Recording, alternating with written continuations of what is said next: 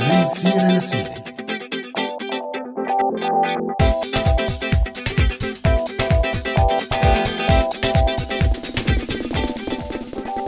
أوقاتكم سعيدة مستمعي راديو سوريالي بحلقة جديدة من برنامج من سيرة لسيرة. ومن طرفي كمان أنا بقول لكل مين عم يسمع البرنامج سواء مباشرة أو عن طريق ال website أو على ال SoundCloud. أهلا وسهلا فيكم بهالحلقة. الحقيقة إجت فكرة حلقتنا لليوم من تحديات منتشرة على وسائل التواصل الاجتماعي ويلي كان آخرها تحدي العشر سنين على الفيسبوك. وتحدي صورة البيضة على الإنستغرام. إيه ما عم نمزح. هدول التحديين خلونا نطرح أسئلة عن معنى الصورة وكيف عم تتصور الصورة وكيف اختلف معنى الصور نفسه. فالصورة اليوم عم تتغير مو بس بين عقد وعقد لا كمان بين يوم ويوم. فبينما كانت عملية التصوير وتحميض الصور تاخد وقت أكبر اليوم التغت هي العملية مع الطابعات يلي صارت متواجدة بأغلب البيوت أو الطابعات الاختصاصية المنتشرة بالمولات وبكميات هائلة ويلي ممكن بعضها يطبع 3D كمان. وكان سعر الكاميرا الاحترافية غالي كتير ومع مرور الوقت تغير هالشي. فإجت بعده الكاميرات التجارية أو في كاميرات التصوير الفوري. وأخيرا وليس آخرا الموبايلات بالدقات المختلفة. كل هذا الشي حول الصورة من سلعة نادرة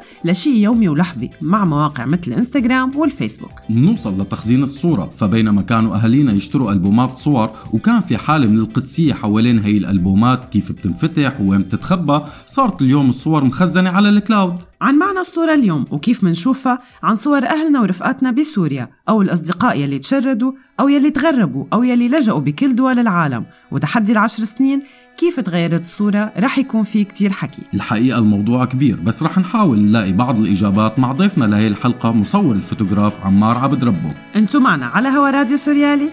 إذا حبيتوا الموضوع تعالوا معنا بهي الرحلة عن الصورة ومع أخبارنا.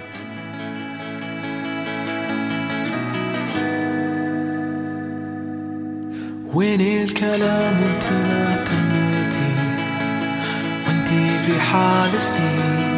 يا باي يا باي ما تسليتي عباليك أيام كثير وين السلام وانتي ما ارتويتي تقول لك في حال سنين يا باي يا باي ما اهتميتي عباليك اشياء كثير يا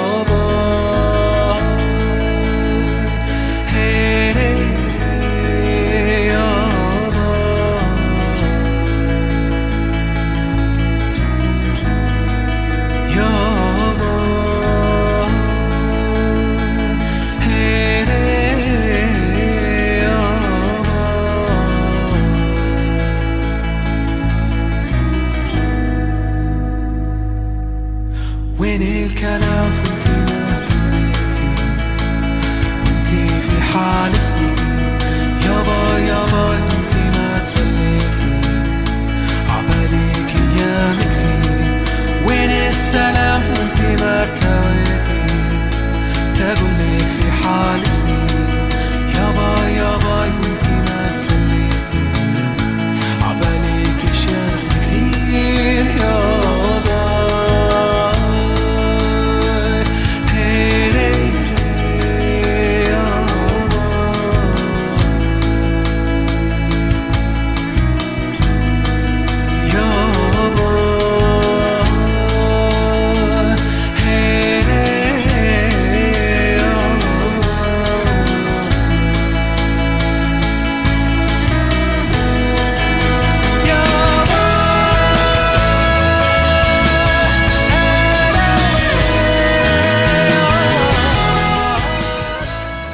حلقتنا لليوم. رغم انه في بالموبايلات آلاف الصور ليش لسه منحط صور يلي منحبهم؟ بالجزدان ولتقدروا تجاوبوا على سؤالنا مستمعينا صفحاتنا مفتوحة على مواقع التواصل الاجتماعي فيسبوك وتويتر أو على رسالة صوتية أو مكتوبة على الواتساب على الرقم 00962 779 851 210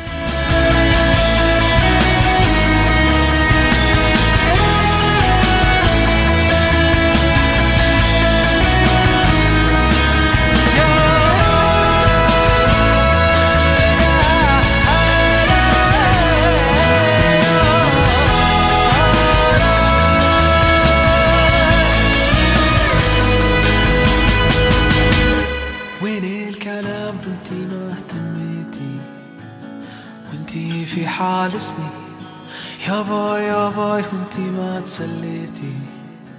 عباليك أيام كثير وين السلام؟ وانتي ما ارتويتي. تقول لك في حال سنين. يا باي يا باي وانتي ما اهتميتي. عباليك اشياء كثير يا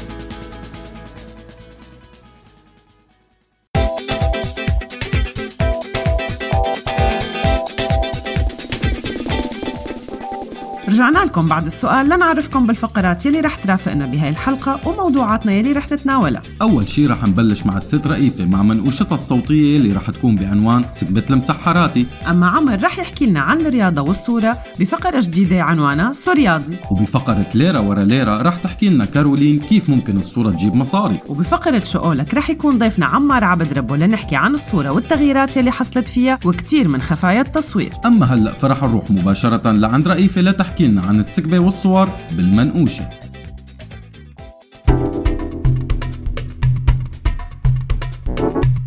المنقوش معي أنا رئيفة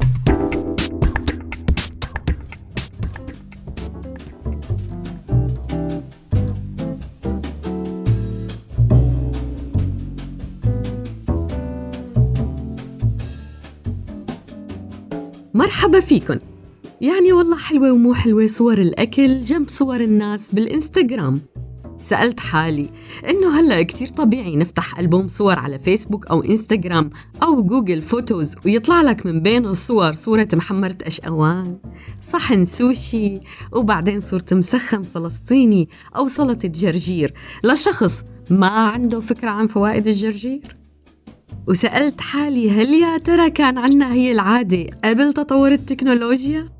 هل يا ترى الست الوالدة الله يخلي لكم أمهاتكم يا حق كانت تخلص فتة المقادم وتروح تطالع هالكاميرا الكودك من الدرج وتطرقها الصورة تنضم لصورنا العائلية بالألبوم تبع الصور. شو كان رح يفكر عمو؟ يلي رح يحمض لنا الفيلم عن سبب وجود صورة طبق مقادم أو صورة كبة بالصينية. بآخر فيلم كان عليه صور لزيارة قرايبنا المقيم بأمريكا واللي جاي يدور على عروس. هل يا ترى وقت كنا نروح عند بوز الجدي لما بلش يزين وش الصحن تبع التسقية بالرمان والكاجو والبقدونس. كانت تطالع رفيقتي الكاميرا وتطرقها صورة وتستنى بفارغ الصبر لحتى يخلصوا الصور بالفيلم لتاخده وتحمضه قديش كان صعب إنه الواحد من وصلته على مطعم لبناني يعني كونه اللبنانية أشطر منا بزوزقة صحون المازا إنه الشخص يمد إيده على طاولة الأكل قبل ما يصور.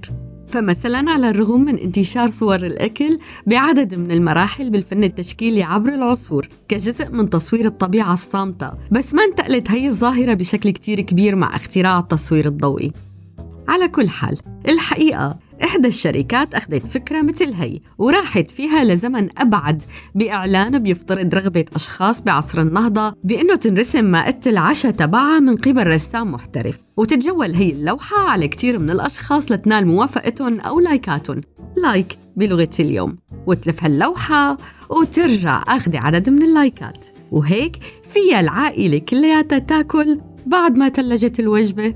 الإعلان يلي انتشر بشكل كتير كبير حمل شعار هي وجبة أكل مو مسابقة تصوير وبعدها بتطلع جملة let's relax أو رواق يا حبيب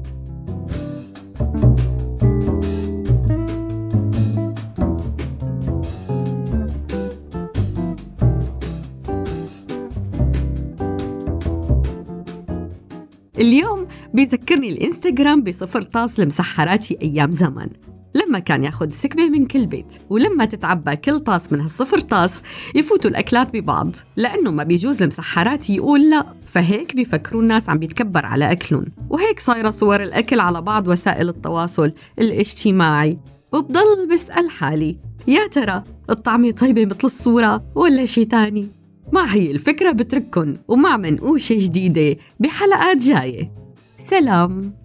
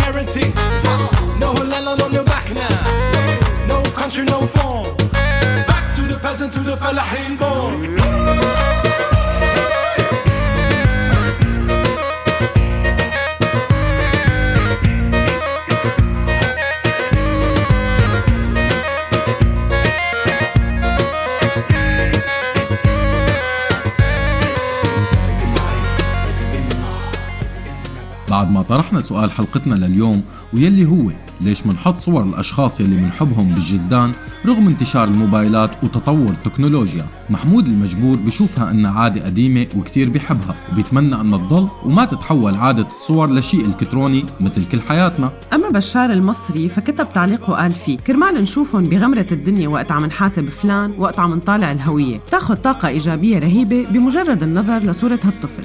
ولا تنسوا مستمعينا بتقدروا أنتم كمان تشاركوا بحلقتنا لليوم وتجاوبوا على السؤال من خلال إرسال رسالة نصية أو صوتيه على رقم الواتساب 00962 779 851 210 بنت العين بنت النار بنت النبع بنت البحر بنت السنكو والسنقا هاي الصفقة وهاي حناها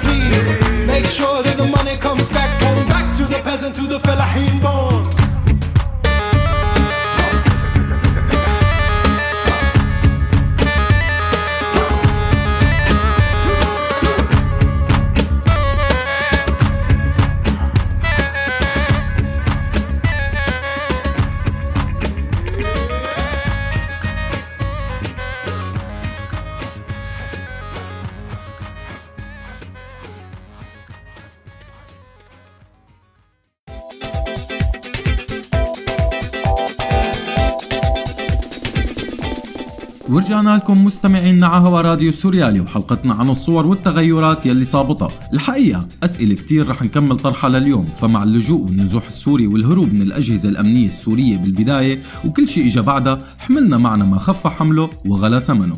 وما كانت الصور من هي الأولويات للأسف على الرغم من غلاوتها على قلوبنا وخاصة أنه في كتيرين كانوا عم يقولوا راجعين بعد كم يوم. وضلت هاي الصور مخباية بدروج بيوت مسكرة أو بيوت مهدمة أو احترقت مع كل شي احترق. الأحداث يلي عشناها خلال عشر سنين ماضية خلت التغير جذري بالصور وبمعنى الصور.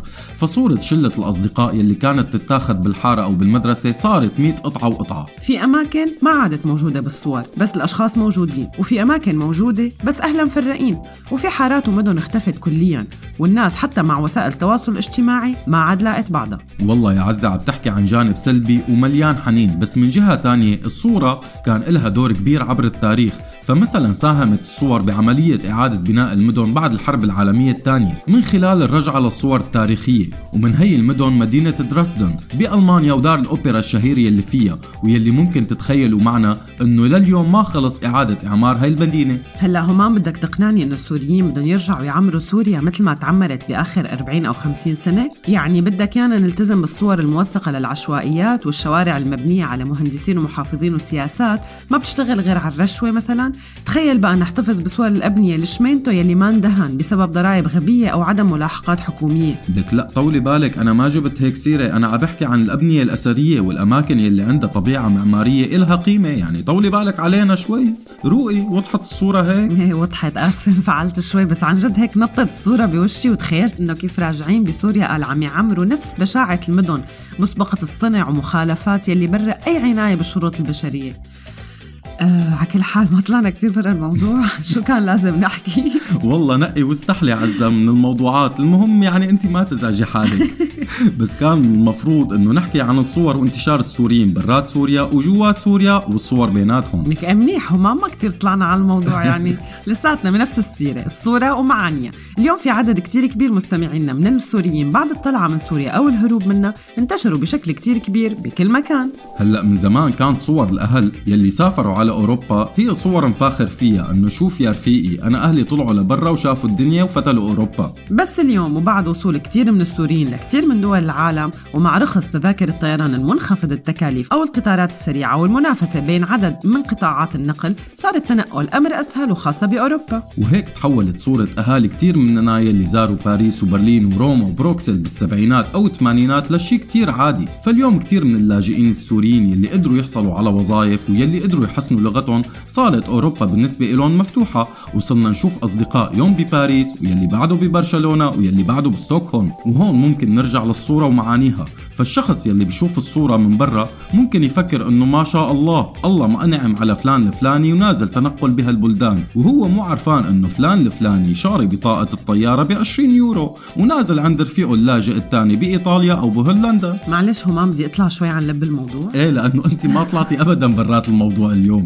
بس سلمني انت اليوم. لا بس هالمرة عن جد رح ضل بالصورة. بس بدي احكي عن صور المجاكرة على الفيسبوك وهي بالحقيقة ما صور مجاكرة. بس صار في شريحة كبيرة من الناس تعتبر إنه نشر الصور للناس يلي ضلوا بالبلد هي مجاكرة للناس يلي ببرات البلد. فهمان عليك يا عزة. والناس يلي ضلت بسوريا بتعتبر إنه أي نشر لصور حياة الناس يلي أخذت لجوء أو يلي قدران تعيش بشكل معقول بلبنان أو بالأردن أو بتركيا أو أكيد بأوروبا هي مجاكرة للناس يلي ضلت بالبلد. بقى ما حدا رضيان وكله من ورا شو؟ من ورا صورة. بس مثل ما حكينا الصورة بتقول كتير وبتخبي كتير. بس هلأ خلونا نروح مع عمر لفقرة بتطلع معنا اليوم لأول مرة بعنوان سورياضي متعب حاله كأنه عمر بالاسم زيادة. شكله. سوريالي مع عمر سواح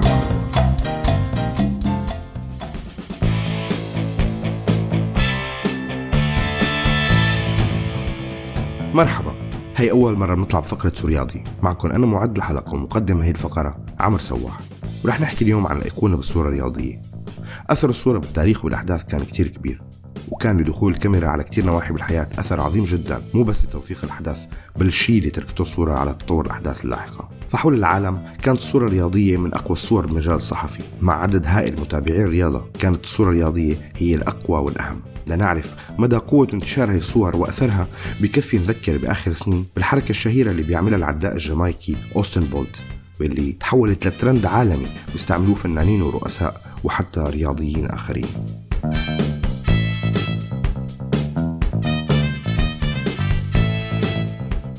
صور كأس العالم كان لها حصة كبيرة من الصور الرياضية سواء لقطات ثابتة الأهداف التاريخية أو حركات اللاعبين الشهيرة. ويمكن من أشهر من حاز اهتمام الإعلام بالصور هو الأرجنتيني مارادونا سواء بلقطة هدف اليد الشهيرة أو بكأس العالم 1982 لما كان واقف لحاله قدام ست لاعبين الفريق البلجيكي. ومن صور كأس العالم كان للجماهير نصيب كبير. فكأس العالم كرنفال من الأزياء والألوان اللي بترتبط بالأعلام الوطنية للفرق ولطالما تصدرت صور حسنوات المشجعات صفحات المجلات ومن بعدها اليوم مواقع التواصل الاجتماعي. تاريخ معبى بالصور المعبرة يمكن من أشهر هي الصور كأس العالم 2014 لما خسرت البرازيل خسارة كبيرة قدام ألمانيا. وقتها أهدى مشجع برازيلي كبير بالعمر نسخة مزيفة من كأس العالم لفتاة ألمانية وكانت كاميرات التلفزيون طوال اللقاء عم تتابع تأثر العجوز الحزين بالأهداف اللي كانت عم تندك بمرمى البرازيل. ثياب لعيبة كرة قدم وقصات شعرهم تحولت لأيقونات عبر التاريخ أكثر من أي لعبة رياضية تانية. فمن ثياب حارس المكسيك الشهيرة بالثمانينات لشعر الحارس الكولومبي ريني هيجيتا وشعر زميله كارلوس فالديراما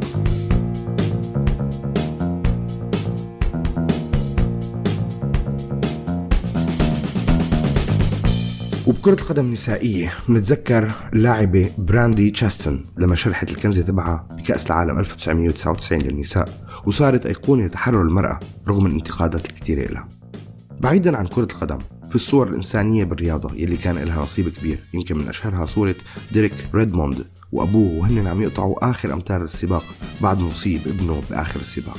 كمان داخلت الصورة الرياضية مع السياسة بكثير من الأماكن منها بنذكر صورة الرياضيين الأمريكيين تومي سميث وجون كارلوس يلي رفعوا إيدهم بقبضة القوة السوداء أو black power بالمكسيك. أو صورة الأمريكي جيس أوينز بعد فوزه بألمانيا النازية بالميدالية الذهبية. وكانوا الكل حواليه رافعين إيدهم بالتحية النازية بينما هو عم يحيي العلم بطريقة اعتيادية.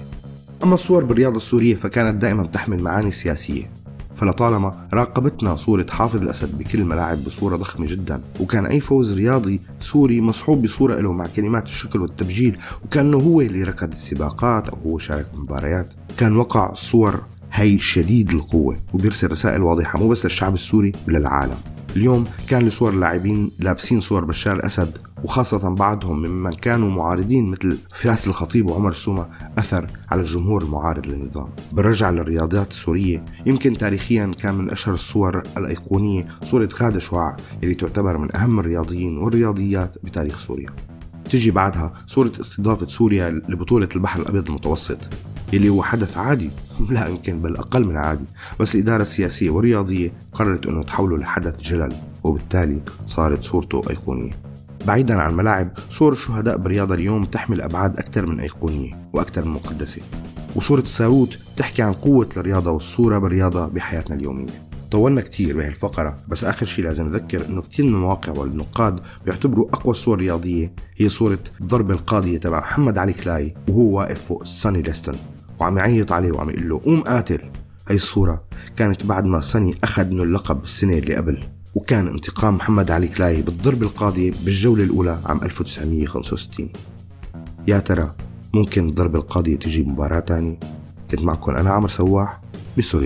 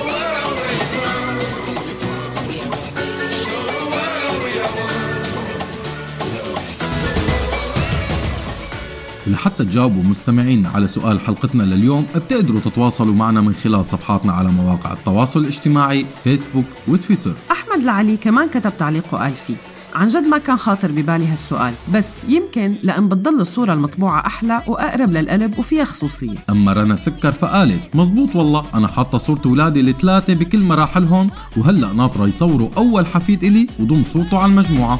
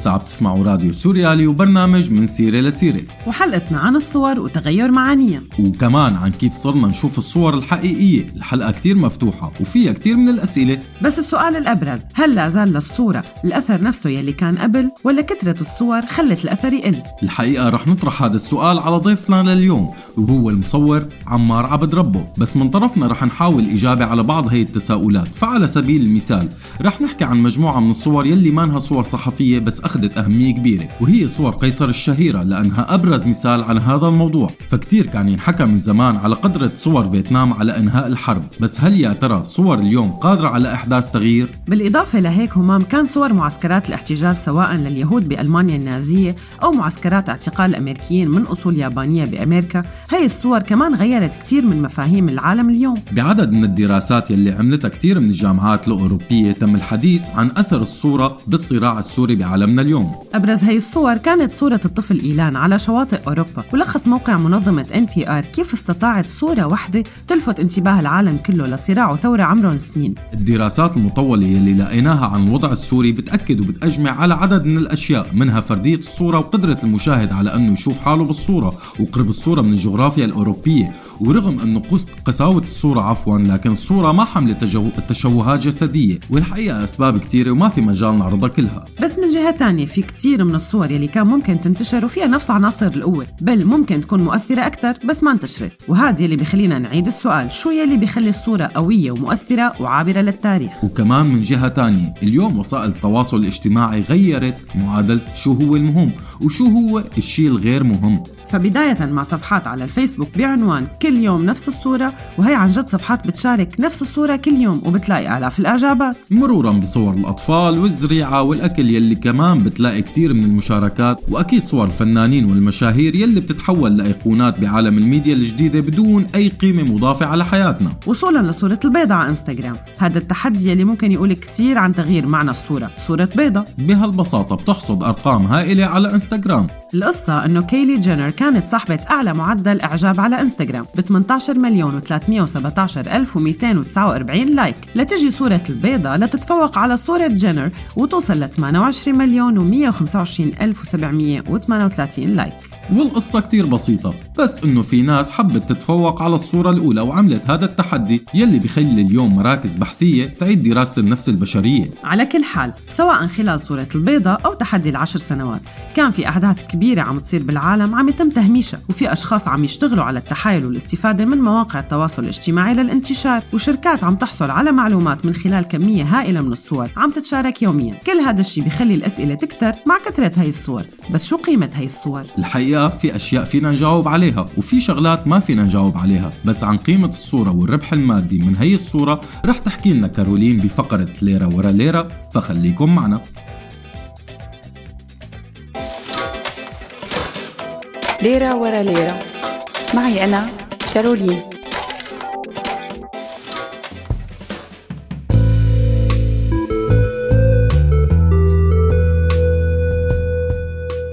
مرحبا. وأنا عم حضر لهي الحلقة اندهشت من عدد الأرقام يلي طلعت معي. مشان هيك رح فوت رأسا بالموضوع وشارككم بهي الأرقام. بس قبل ما أبلش الأرقام يلي رح أذكرها من دراسات صارت بمايو من السنة الماضية مشان كون أمينة. شرفوا. كل دقيقة مستخدمي سناب شات بيشاركوا 527760 صورة. مستخدمي إنستغرام بالدقيقة بيشاركوا 46740 صورة. على الفيسبوك أكثر من 300 مليون صورة يومياً. 95 مليون صورة وفيديو على إنستغرام باليوم. مع تطور التكنولوجيا الرقمية الناس صورت لبداية 2018 1.2 تريليون صورة. هي ال data المرعبة من الصور بتخلينا نطرح كتير من الأسئلة. بس أنا بليرة ورا ليرة رح أحكي عن الجوانب الاقتصادية فكيف فينك تربح مصاري من الصور تبعك؟ الحكي موجه لجماعة بعدستي فإذا كنت عزيزي مصور بعدستي تكتفي بمشاركة صورك على الفيسبوك وحصد اللايكات. بحب خبرك أنه يمكن تكون عم تخسر كتير. هذا الشيء مرتبط بموهبتك بالتصوير. على كل رح أعطيكم الطرق يلي فيكن من خلالها تكسبوا دخل إضافي من خلال هي الصور.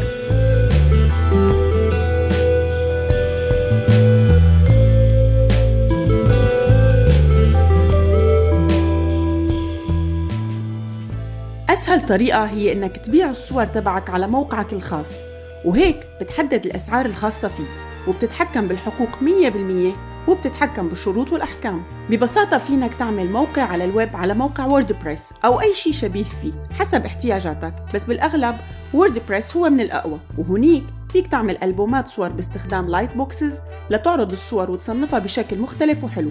الاحتمال الثاني إنك تروح لمواقع بتبيع الصور مثل موقع شاتر ستوك وهذا موقع شهير من أكثر من 15 سنة. بيمتلك هذا الموقع أكثر من 200 مليون صورة بالإضافة لمقاطع فيديو ومقاطع موسيقية لملايين المشتركين. وحسب موقعهم على الإنترنت اندفع أكثر من 500 مليون دولار للمساهمين بكل أنحاء العالم. موقع تاني هو فوتوليا من أدوبي. هذا الموقع موجود من أكثر من عشر سنين وسمعته جيدة من جهة حقوق الملكية الفكرية. إذا ما لقيت طلبك بهدول الموقعين ممكن تلاقي الشيء اللي بدك إياه بموقع عالمي واللي بيتعاون مع مواقع تانية مثل شاتر ستوك وأدوبي ستوك والحلو بهذا الموقع إنه ممكن المصورين يحملوا الصور بدون ترخيص أو أي قضية حقوق نشر. حسب الشركة فهي قامت بتحويل 180 مليون دولار من المدفوعات للمصورين. طبعا المواقع كتيرة بهذا المجال لحتى نقدر نذكرها كلها. لكن بعملية بحث صغيرة أونلاين ممكن تتحول عزيزي مصور وسائل التواصل الاجتماعي من مصور هاوي إلى مصور محترف. وسيلة أخرى بيلجأوا لها بعض المصورين واللي هو التواصل المباشر مع الصحف والمجلات والمواقع العالمية. وهون ممكن الصورة تغلى وتفوت سوق السودا وهذا الموضوع له حكي تاني بجوز نتطرق له بغير حلقة من سيرة لسيرة بليرة ورا ليرة. باي.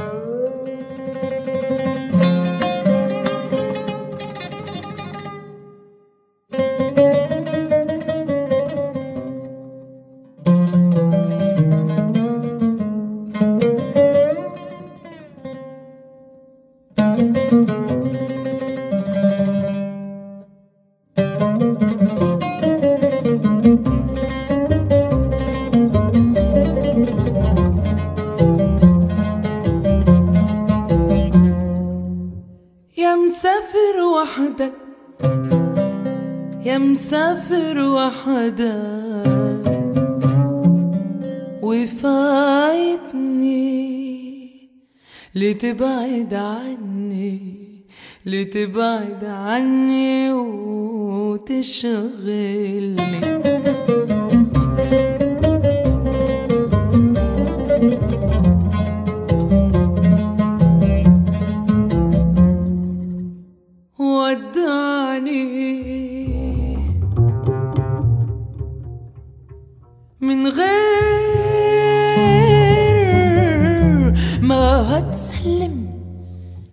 وكفاية قلبي أنا مسلم.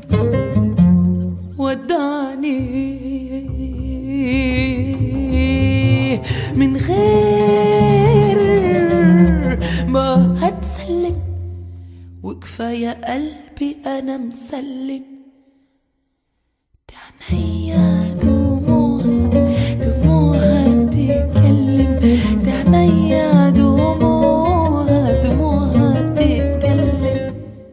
يا مسافر وحدك وفايتني لتبعد عني؟ لتبعد عني وتشغلني؟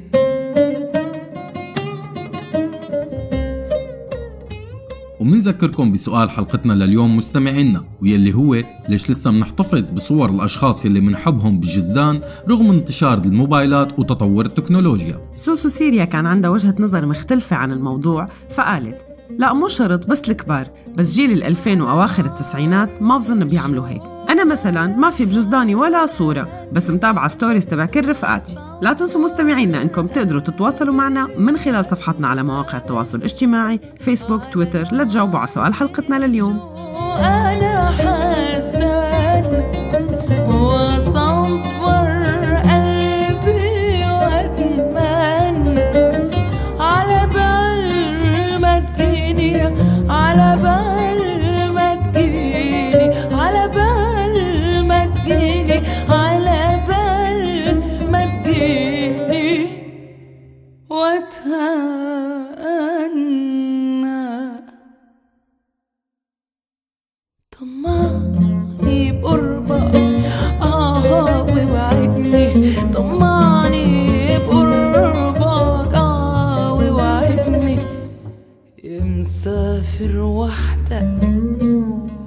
وفايتني لتبعد عني لتبعد عني وتشغلني.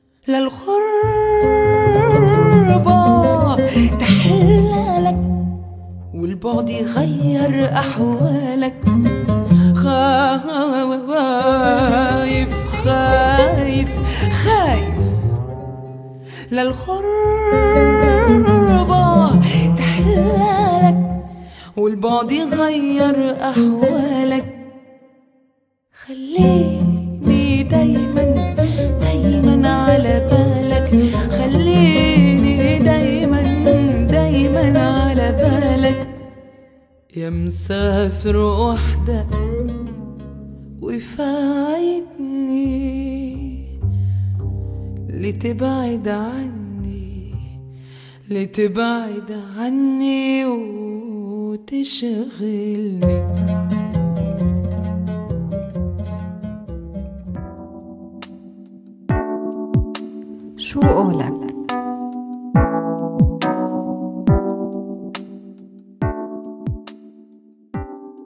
المصور السوري عمار عبد ربه. ما بتنحصر تسميته بتسمية مصور صحفي بل يمكن أن نوصف الفنان الموثق لأنه الصورة يلي بيشتغل عليها دائما بتحمل طابع فني بس بحافظ بشكل كبير على الجانب التوثيقي. عبد ربه المولود بسنة 1966 والمقيم حاليا بفرنسا. كان له جولات بأماكن الصراع مثل العراق والبوسنة. ولكن جزء كبير من رحلة عبد ربه المهنية كانت من خلال تصويره للرئيسين السابق حافظ الأسد والحالي بشار الأسد. وبعد وقوفه من اللحظات الأولى لجانب الثورة السورية كانت المرحلة اللي اشتغل فيها مع الأسرة الحاكمة هي موضع كتير من الأسئلة. بس نحن بلقائنا مع المصور عمار عبد ربه رح نروح لنوع تاني من الأسئلة. فخلونا نرحب بالمصور والفنان عبد ربه.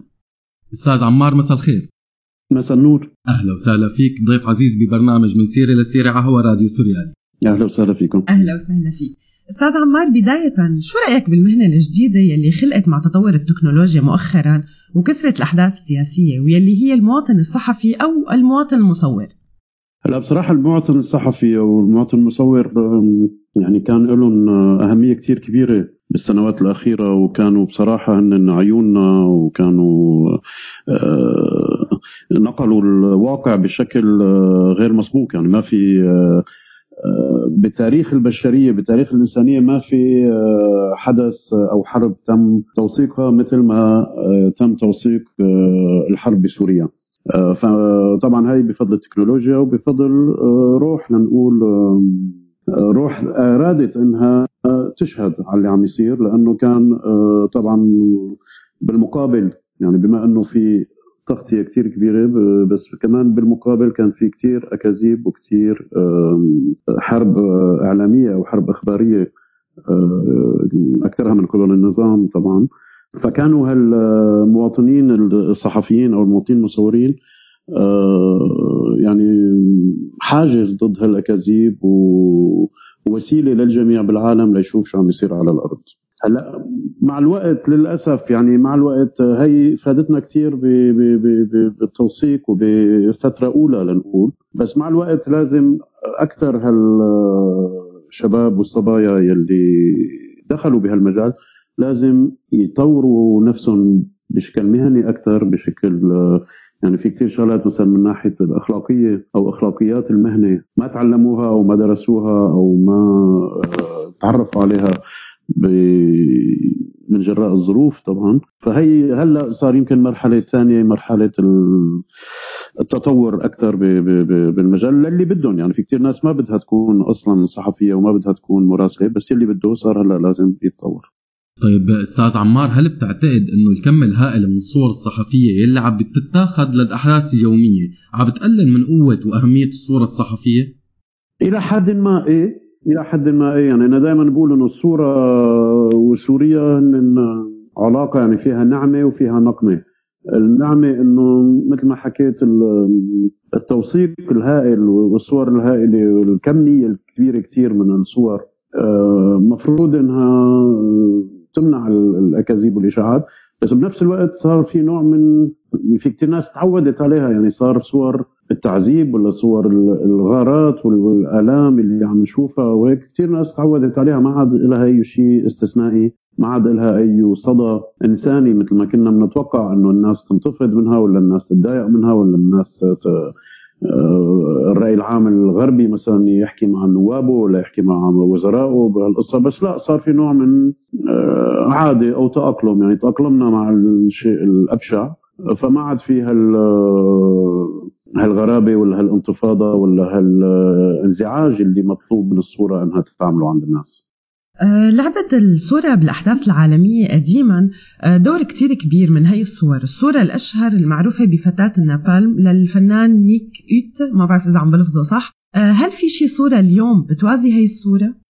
هلا قبل كل شيء بدي بس أعترض على كلمة فنان. يعني نيك أوت ليس فنان هو مصور صحفي. okay. آه، ومصور صحفي بده يوثق ال- الحدث. يعني أنا دائما بركز على الناحيه آه، بشغلنا حتى بشغل يعني الشغل اللي اشتغلناه بسوريا. آه، ليس فن يعني هو توثيق آه، للأحداث توثيق صحفي. أحيانا للأسف أو يعني أنا ما كنت بت- بتصور إنه أعمالي رح تكون بمعارض ولا بمتاحف كأعمال فنية. هي ليس الهدف منها إنها تكون فنية بس هيك صار. آه، لنرجع لموضوع آه، صورة. هل في صورة اليوم مثل صورة نيك أوت؟ في إلى يعني إذا بنشوف مثلا ال- ال- الصدى اللي أخذوه صور آه، بما إنه هي صورة طفلة صغيرة يعني صورة آه، الأطفال يعني صور الأطفال كثير كان لها تأثير بسوريا مثل صورة الطفل عمران إذا بتتذكروها بحلب اللي كان قاعد بسيارة إسعاف آه، وطالع من من قصف. أو صورة آه، حتى آه، آه، الطفل إيلان آه، على على شواطئ آه، تركيا.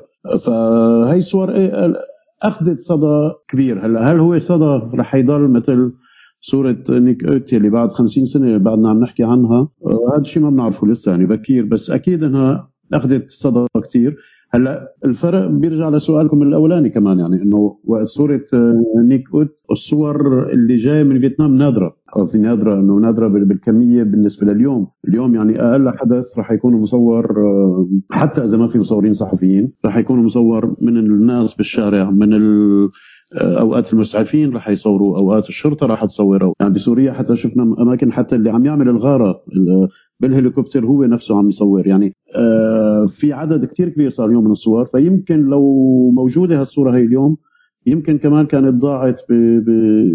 لنقول بنهر الصور آه، الهائل يعني الكبير كتير.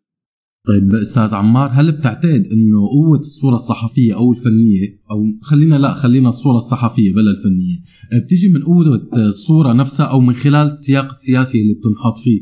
أو مثلا من خلال أجندة سياسية ممكن ما ترغب بانتشار هي الصورة؟ هلا بصراحة وقت صوره بتن يعني أنا دائما بقول الصورة ما بتعود ملك المصور يعني بعد ما تتصور بعد ما تصير آه، تطلق لل- لل- للعموم يعني بتصير بجريدة أو مجلة أو على الإنترنت اليوم. آه، أنتم بتشوفوا يعني كيف الناس هن بي يعني بعيدا عن الأجندة السياسية أو بعيدا عن رغبات وسائل الإعلام حتى بنشوف إنه في ناس بتتبنى صورة لنقول بتصير هي نفسها بتشارك فيها بتحطها صورة بروفايل آه، بتتنقلها من شخص لشخص بيكونوا قاعدين بمقهى بيفتح شخص آه، جهاز الهاتف لحتى يورجي الصورة لأشخاص ثانيين أشخاص ثانيين يمكن يقولوا له يبعث لي إياها بدي كمان أبعثها لمجموعة. إلى آخره إلى آخره. فبتصير الصورة حقا آه، ملك الناس. شو اللي بيعمل إنه الصورة بتصير ملك الناس؟ هذا لغز آه، كثير كبير. يعني هو طبعا في ناحية إنسانية الناس بتشعر بشيء وقت بيشوفوا الصورة إن كان شيء مسلي إن كان شيء مضحك إن كان شيء مزعج إن كان شيء حزين إلى آخره. يعني في شعور إنساني قوي كتير وقت بيشوفوا الصورة. وبيحبوا يشاركوها بيحبوا إنه تجي منهم إنه إنه يكونوا جزء من آه، من نشر هالصورة هاي. بس آه، طبعا ما في آه، لنقول آه، ما في وصفة آه، حتى الواحد يعمل صورة هيك. يقول لك إن كل المصورين كل يوم عم نعمل صور من هالنوع وحطينا فيهم الوصفة السحرية. وصورنا صارت منتشرة عالميا يعني إلى آخره. ما في هيك شيء. في شغلات ما بنعرفها بجد. يعني في شغلات ما بنعرف كيف الناس بت- بتقرر إنها تحب أو تكره الصورة. كمان أوقات صورة بتنتشر لأن واحد بيكرهها. يعني هي بتصير أوقات إنه واحد بيكرهها لسبب ما وبصير بده ينشرها لحتى يقول للعالم شوفوا هالصورة قد إيه مزعجة. طب حسب معلوماتك أستاذ عمار أو معرفتك اليوم هل في تواجد لشك... لشركات PR دولية عم تدعم النظام السوري وتساهم بتسويق صورة جديدة لإله؟ أو مثلا من خلال الثورة هل تعاقد النظام مع شركات مماثلة؟ بعرف إنه قبل الثورة كان في هيك شيء أكيد خلال الثورة ما عندي هلأ ما عندي معلومات ما بدي آه، أتكهن بس على الأغلب آه، إيه على الاغلب إيه يعني نحن بنشوف إنه في كتير شغلات لنقول عادات إعلامية جديدة ما كان النظام آه، متعود عليها وصار آه، يعني صار صرنا نشوف مثلا ما إذا بتتذكروا كان في من ناحية عم بحكي بس بالصور يعني بالصور تحديدا. آه، ما عم بحكي لا بالخطاب السياسي ولا ولا بأي شيء آخر بس الصور يعني مثلا في صور ما ما متعودين عليها يعني مثلا في صورة بعد ما صار غارة أمريكية أظن من من فترة على سوريا ثاني يوم كان في صورة ل بشار الأسد آه، واصل على مكتبه أو هيك شيء حامل شنطة كأي عامل أو كأي موظف. آه، آه، كمان كان في صورة فوتوغرافية هالمرة آه، غريبة جدا. يعني أنا كثير استغربت آه، وجودها وضليت فترة أطلع فيها اللي هي صورة يعني الصورة اللي رافقت إعلان مرض آه، اسمى الأسد. يعني صورة بمستشفى مع هي وزوجها ومستشفى العسكري تحديدا يعني بالشام يلي كلنا بنعرف إنه على الأغلب آه، لا بشار الأسد ولا أسمى الأسد راح يروحوا يتطببوا بالمستشفى العسكري آه، بدمشق ف- فهي أظن في وراها آه، شركات أو في وراها عقول آه، لنقول بي آر مثل ما عم تقولوا أو علاقات عامة. يعني بتهدف من وراها لعدة يعني بيكون في الصورة في لها عدة رسائل. واضحة أو غير واضحة معلنة أو غير معلنة آه، إيه بتشتغل عليها أشخاص وشركات. فهي على الأغلب إنه إيه في هيك شيء آه، حاليا بس يعني ما عندي معلومات ب... بأي شركات ولا شو. شو العقود ولا شو الموجود آه، حاليا السؤال الأخير آه، سيد عمار كيف شايف مستقبل التصوير الصحفي مع تطور التكنولوجيا؟ هلأ التصوير الصحفي أكيد قدامه تحدي كتير كبير اللي هو يعني التكنولوجيا اليوم آه، سمحت لكل شخص آه، ايا كان إنه يكون بجيبته في كاميرا طول الوقت. آه، يعني أنا وقت ابتديت كمصور صحفي كان الكاميرا مكلفة وبدها يشتري الواحد أفلام ويحمد الأفلام و- وإذا بده يبعثهم ل- لبلد آخر يعني بده يتكلف آه، أجور كتير كبيرة. هذا كله اليوم آه، تغير. يعني هذا كله اليوم ما عاد آه، صار من عالم عصر نقول حجري آه، فبدنا نتأقلم نحن كمصورين صحفيين بدنا نتأقلم مع شيء. وجود التكنولوجيا لا يعني امتلاك المهنة. يعني مهنة التصوير الصحفي هي مهنة أول شيء مثل ما قلت من شوي فيها نوع عدد كبير من الأخلاقيات آه، شغلات مسموحة وشغلات ممنوعة. آه، في كثير ناس من اللي اليوم حاملين آه، أجهزة تصوير ما بيعرفوا فيها. ثاني شيء في آم، طريقة سرد لنقول طريقة رواية. يعني الواحد مو بس عم يصور. إذا اليوم فتحنا الإنستغرام لنقول على الإنستغرام كل يوم في ملايين الصور تنشر بالعالم كله بس وقت نطلع عليها يمكن 90% منها ما بتعني لنا شيء يعني واحد عم يصور فنجان قهوة واحد عم يصور آه، آه، بحر آه، أو أو غابة. يعني صور كثير ما حقول عادية يعني لكل شخص أكيد بتعني شيء بس لنا كمشاهدين بعاد ما بتعني شيء ما لها معنى ما لها أي ما بتبعث فينا لا لا حلم ولا ضحك ولا غضب ولا حزن ولا أي شيء فبس بنشوفها هيك وبنشوف الصورة اللي بعدها إلى آخره إلى آخره. وأوقات يمكن 10% رح يوقفونا ورح نقول ها هالصورة هاي مثلا فيها شيء غريب أو فيها شيء بيستدعي آه، فيها معنى لنقول فيها فيها شيء آه، عم يحكي لإلي. عم يعبر عن شيء معين. فالمصور الصحفي هون دوره هو إنه يعطي صور فيها روايات إنه يعطي صور فيها معنى إنه يعطي صور فيها شيء يحرك العالم يحركه بطريقة مثل ما قلت إيجابية سلبية غضب بسط آه، فرح آه، محبة إلى آخره. يكون فيها شيء إنساني. هون بيصير بالمصور الصحفي. المصور الصحفي ليس فقط حدا معه كاميرا وعم يصور الطلعة والنازله لا عم يصور شيء بيروي آه، قصة عم يصور شيء بيقدم عن شخص أو بيعرف عنه. آه، فهون دور المصور الصحفي اليوم. نهاية أستاذ عمار عبد ربه شكرا كثير لك ويعطيك ألف عافية وشكرا كثير لوقتك. شكرا كثير على اضافتكم استضافتكم وعلى وقتكم أنتم كمان. شكرا يعطيك كثير ألف عافية. شكرا. أهلا وسهلا فيكم. شو قولك؟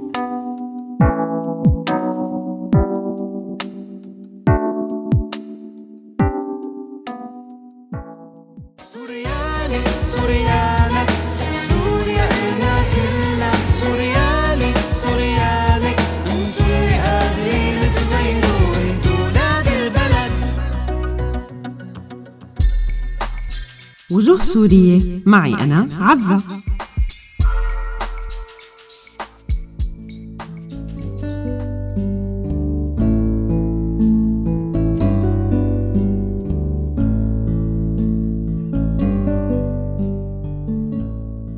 خالد معاذ الفنان والمصور والباحث واحد من أهم الوثائق التاريخية اللي تسجلت بسوريا بالصور بيوقف وراها الفنان والمصور خالد معاذ يلي يعتبر من أشهر من وثق للصور السورية. معاذ يلي من مواليد دمشق 1904 وتوفى فيها بسنة 1989 ترك عدد كتير كبير من الكتب منها تربة ابن المقدم باللغة الفرنسية مشاهد دمشق الأثرية دمشق أيام الغزالي دمشق أيام ابن عساكر واشتغل على توثيق الشام بالصورة وبالريشة ليكون الأرشيف يلي عمله من الأغنى بسوريا. درس الرسم على إيدين الرسام الفرنسي دوفال ومن سنة 1923 اشتغل على دراسة الأبنية الأثرية والفن الإسلامي ببلاد الشام. بيوصف النقاد أسلوبه بالتسجيلي والتوثيقي فوثق ورسم مشاهد من الحياة اليومية والحارات الشعبية من المدن وصولا للأرياف. ليكون شغله بمثابة خريطة علمية وأثرية لدمشق وأمضى سنوات طويلة بيجمع فيها المعلومات وبيتفقد الأمكنة. إلى جانب هذا الشيء اهتم بدراسة الخط العربي بالمساجد وشواهد المدافن حتى أنه الكاتب والباحث الفرنسي أندري ريمون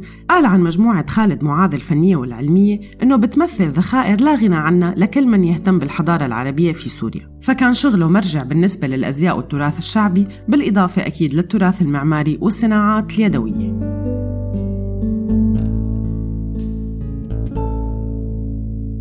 بالإضافة لهذا الشغل كان مدرس للفنون بدار المعلمين وأستاذ لتاريخ الفن الإسلامي بكلية الفنون الجميلة ومفتش للآثار بمتحف الوطني بالشام وكان من مؤسس الجمعية السورية للفنون الجميلة ويلي طلعت الدعوة لتأسيسها من بيته وشخص مثله أكيد حصل على كتير من الجوائز على أعماله الفنية بالإضافة لتقلده وسام الاستحقاق من الدرجة الأولى على كل أعماله